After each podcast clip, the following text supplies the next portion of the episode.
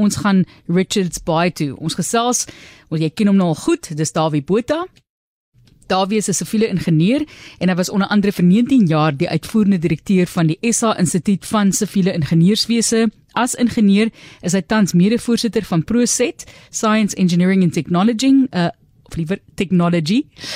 'n uh, onderafdeling van die Nasionale Wetenskap en Tegnologie Forum. Anders wil ek amper wil ek van tegnologie werkwoord maak. Daar sommer Dawie baie welkom. Wanneer laas was jy in KZN? Uh vroeër uh verlede jaar Junie maand Maar die plek waar ek gaan we wegkruip is bietjie uh, verder noord. Daar was ek Februarie. Dis daar by Mabibi rond, net so suid van die Mosambiek grens. Hoekom het jy hoe, hoekom het jy gesê dis 'n interessante plek om KZN te verken spesifiek vir Dag Richards Bay? Kyk, ek dink dis iets wat ons nie baie mooi uh, altyd deur het nie dat hierdie provinsie uh, het 'n rykdom van nywerhede, van ontwikkeling wat daar plaasgevind het. En wat natuurlik baie interessant is, vir my een van die dinge is dat die provinsie het twee name eintlik. Die een is uh, KwaZulu uh, en die ander een is Natal.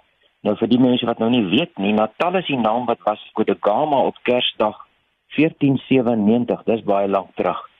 Uh het hulle die die kus daar gesien en toe gee hulle die naam Natal uh vir daai streek wat hulle sien en dit beteken geboortedag, maar dis natuurlik ook die koninkryk van die of die huis van die Zulu nasie, KwaZulu. Nou vir my persoonlik uh, in my in my loopbaan as ingenieur was Richards Bay een van die interessantste tye en uh, ek sal nou vir julle 'n paar redes gee daarvoor. Ek is in 82 aangestel as adjunkstadsgeneer en my mede-kollega was Neil Perry en ons stadsgeneer daardie tyd was Frik Bosman. Nou daardie unieke omgewing waar daar eintlik jy kan sê niks was behalwe natuur. Uh en al die nuwe ontwikkelings wat daar sou en moes plaasvind het ons werklik op ons tone gehou en ons moes die hele tyd uh gaan byleer en gaan kyk hoe werk dinge. Nou uh Richards Bay en ek hoop ons kan later daaroor praat is een van die die ander sogenaamde Newtown dorpe van Suid-Afrika. Die uh, die welkom is die een. Maar in die 60er jare nog was Richards Bay 'n rustige vissersdorpie, net 60 mense daar gebly op die oewer van die Mshlatoes rivier. Uh die strandmeer daar maar daar was groot planne vir daardie gebied en as ek nou reg onthou was die Nywerheids Ontwikkelingskorporasie onder andere betrokke.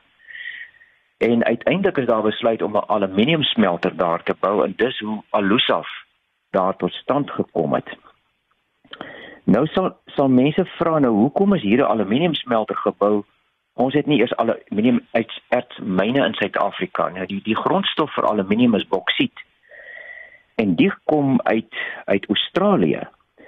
Maar 'n feit was dat daardie tyd was was elektrisiteit uh goedkoop in Suid-Afrika en ons het 'n oormaat daarvan gehad. En die besluit was toe om dan 'n aluminiumfabriek te te bou. So jy voer die erts in, uh jy voeg elektrisiteit by om dit nou baie eenvoudig te stel en dan maak jy aluminium dan voer jy weer die aluminium uit. En dit is hoe die die gesegde ook gekom het dat ons eintlik steenkool uitvoer in die vorm van aluminium. Nou vandag byt hierdie ding ons natuurlik sleg met die met die elektriese elektrisiteitsvoorsiening. Maar hierdie hierdie fabriek was een ding, maar om die hawe te bou was natuurlik 'n ander storie. Hierdie wêreld uh, was wild en woes om dit so te stel. Dit was krokodille en seekoeie en ander wildlewe. Die sand daar was so dik dat daar 'n storie is dat die besoekende landros uit Empangeni moes met 'n houtslee na die dorpie toe kom tussen die morasse deur. En dan natuurlik is is dit 'n plek met 'n klimaat wat skrik vir niks. Die vogtigheid en en die hitte kan 'n mens daar sommer lelik onder kry.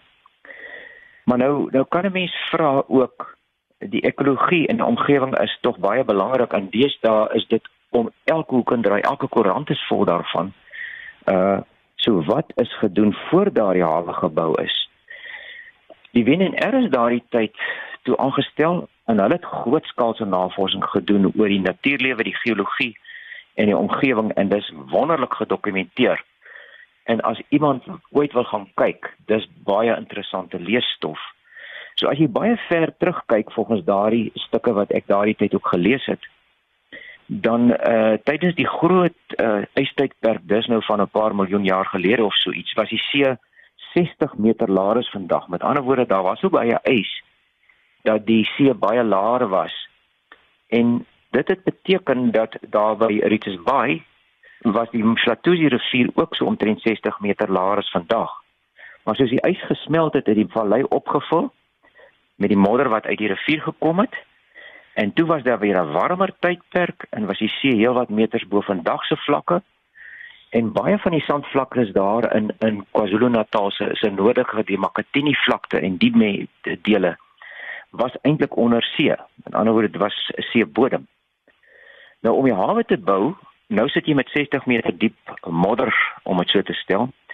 Het hulle uiteindelik besluit om die, om die hawe op die buiterande te bou waar die rotsbedding dan nou relatief vlak is. Met ander woorde die ou oewer van die rivier, as mense so kan noem. Maar baie van daai modder moes verwyder word. Dis met baggerbote gedoen. En wat nogal vir my skrikwekkend was uh, tydens my tyd daar het is 'n uitbreiding gedoen en dan word hierdie swart modder in die see gestort. En dit het gelyk of die golwe soos 'n sjokol sjokoladefontein uh draai. Die golwe was so swaar partymal dat omtrent nie gebreek het nie. Gelukkig is dit weer verby. Maar so tussendeur moes al die infrastruktuur natuurlik ook gebou word en dis toegangspaaie uh spoorlyne, waterwerke, rioolwerke, op 'n stadium was 90% van die huise in Richards Bay uh, is fabriekshuise gewees. Pragtige huise met ligreëling ensovoorts.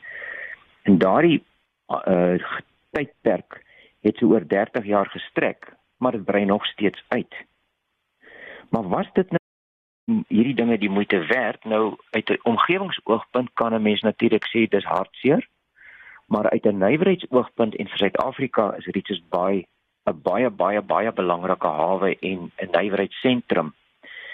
Dis vandag een van die wêreld se grootste uitvoerhawens vir steenkool wat kontroversieel al hoe meer raak natuurlik. Daar's 'n reuse groot chemiese papierpulpfabriek, dis nou Mondi. Uh Richard Bay Richards Bay Minerals en ander soos Fairbreeze haal 'n reeks met minerale uit die duinsande.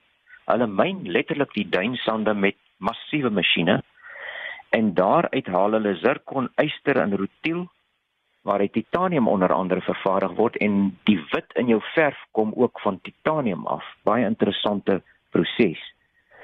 En dan is daar nog die die paar boere, die Belbroers in in Pa wat begin het om landboumasjinerie te maak en vandag is daar 'n groot groot fabriek wat unieke uh uh masjinerie vervaardig. Foskor vervaardig swavelsuur uit fosfaasrot, fosfaatrots. Dit kom uit Valaborwa. Die TWK Agri houtkerwe fabriek. Dis nou al daai plantasies wat wat afgesny word, word opgekerf en dan voer ons die hout houtstukkies veral na Japan toe uit waar hulle weer papier en bord ensovoorts maak. En dan is daar nog die twee unieke see-uitvalpyplyne. Elkeen van die so wat 5 km lank Dit voer weer afvalwater in gips en riool diepsee toe. Dis Mshlathuzi water se pyplyne daarin. En dis alles onder baie streng voorwaardes en voltydse monitorstelsels.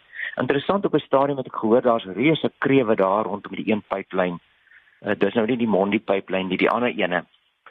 Maar ek hoop ons kan miskien later praat uh nog 'n slag oor iets baie praat, bietjie meer uh in diepte oor een of twee van die nywerhede uh, en dis 'n moeite werd om te gaan kyk. Uh, my uh, Richard by Minerals is byvoorbeeld baie vriendelik. Ek hoop hulle is vandag nog so. Jy kan daar gaan toere uh meemaak en mense mond hang oop as jy sien wat daar aangaan. Hoe hulle byvoorbeeld die duine hervestig met selfs inheemse bos en plantasies. En dan kan mens praat, hoe bou jy 'n pad oor 'n moddervlakte? Dis nou daardie uh, pad van Durban af noordwaarts waar die modder 60 meter diep diep lê en hoe bou jy 'n brug oor daardie uh modder? Nou ja. So Richards Bay is 'n is 'n plek van ek wil amper sê vele ambagte en baie interessante plekke en ek sou regtig aanbeveel dat ons luisteraars daar gaan besoek af lê.